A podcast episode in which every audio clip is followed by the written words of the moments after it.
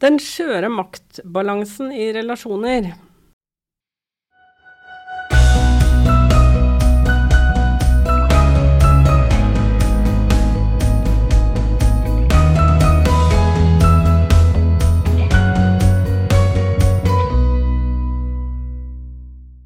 Du lytter til Veiledningshjørnet. Vi er en del av Veilederbua, opplæringskontorets podkast for deg som er instruktør for våre lærlinger. I Veiledningshjørnet hjelper vi deg å fylle verktøykassa med metoder for veiledning, slik at det kan bli enklere og morsommere å være instruktør. Jeg som prater nå, heter Gro Blomdal, og sammen med meg sitter min kollega Lise Ødemark.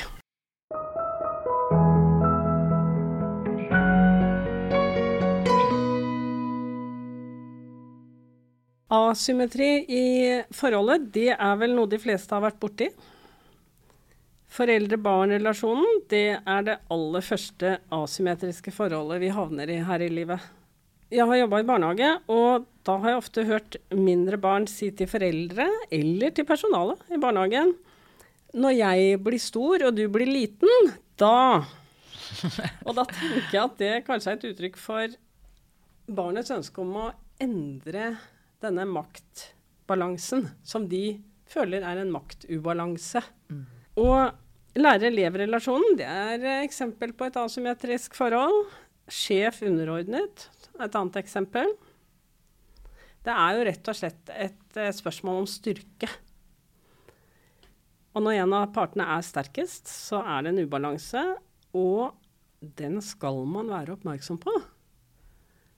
For den forplikter, Absolutt. ikke mm. sant. Når vi var små, så het det seg liksom at man skulle være snill med de som var mindre. Ja, ja ikke sant. Husker du det? Ja, ja. ja for dem som var, de som var slemme, de som er svakere enn deg, det var liksom en sånn det var, ikke, det var ikke bra moral. Nei. Så den uh, sterke må ivareta den svakere parten.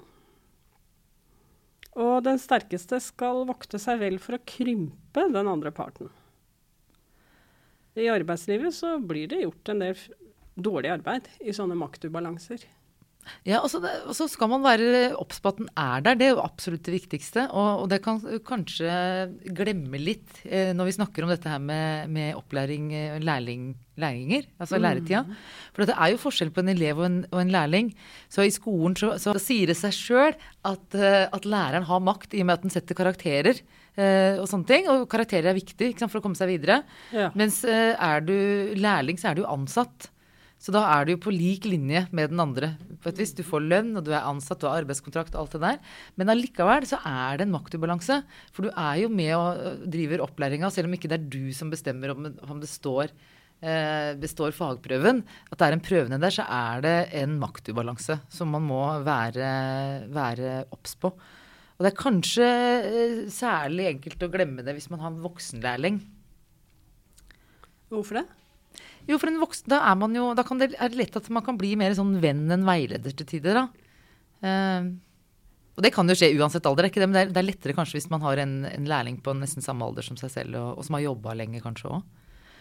og det er jo ikke noe galt i å være eh, venn, men som det, det du sa i stad, Gro, altså en bør være oppmerksom på den asymmetrien sånn at, eh, og hvordan den kan virke inn på veiledninga.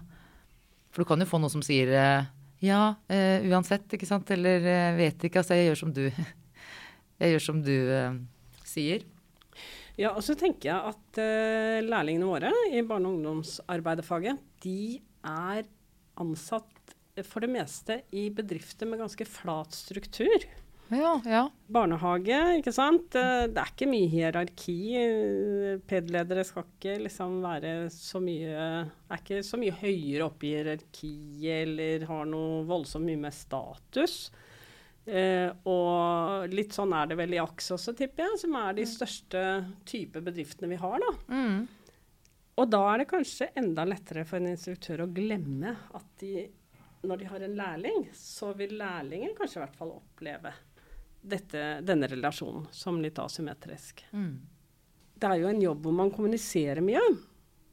Ja, det er, det er, jo det det handler om. Man jobber jo med mennesker, så er det jo kommunikasjon en veldig viktig bit av det. Ja, og man sitter ikke foran en maskin og sender mailer til hverandre i det hele tatt. Sånn eh, at uh, det med måten man snakker eh, sammen Snakker man om lærlingen f.eks., eller snakker man til lærlingen, eller snakker man med lærlingen? Ja, veldig viktig presisering det der, altså. Det er det.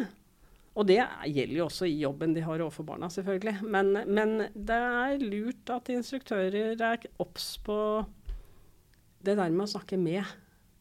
Mm. Og dette med anerkjennende kommunikasjon. Det har vi vært inne på i tidligere podkaster, men det er viktig i uh, denne type relasjoner òg. Ta den andres perspektiv, være tålmodig, respondere positivt på det som blir sagt. Så en type likeverd i kommunikasjonen. Husk på det også i kommunikasjonen med lærlinger. Ja, veldig viktig.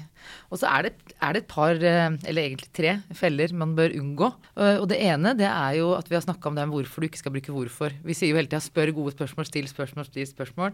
Men uh, man skal helst ikke bruke hvorfor. Og hvorfor ikke det? Det er jo fordi at hvorfor gjør noe med oss.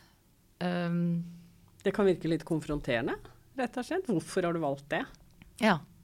Hvorfor gjorde du sånn? Mm.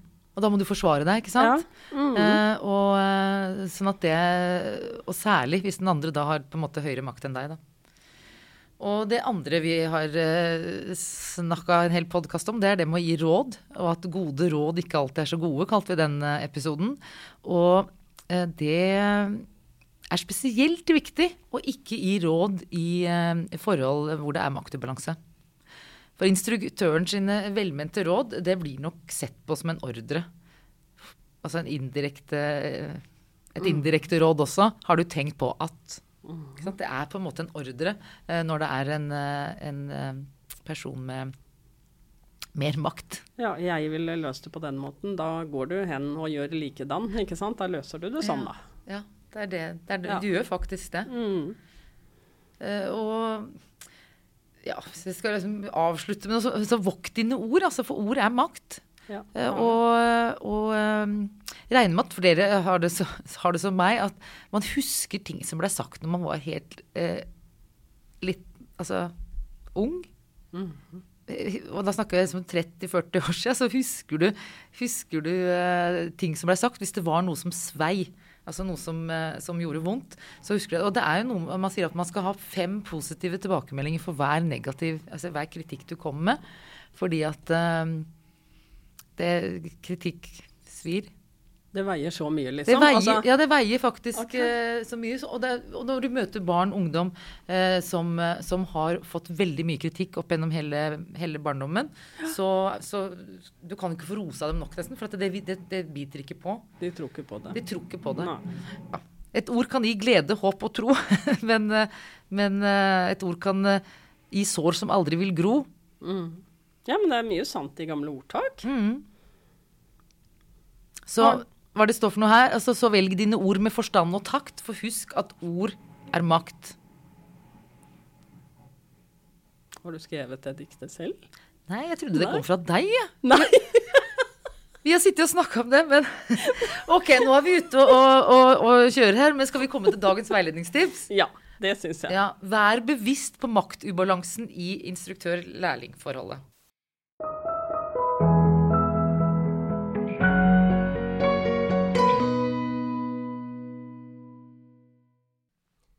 Veiledningshjørnet lages av Opplæringskontoret for helse- og oppvekstfag. Du finner støttemateriell til mange av episodene våre i OLKs ressurssenter. Ta gjerne kontakt med oss om du har innspill til tema for podkasten eller har spørsmål til oss.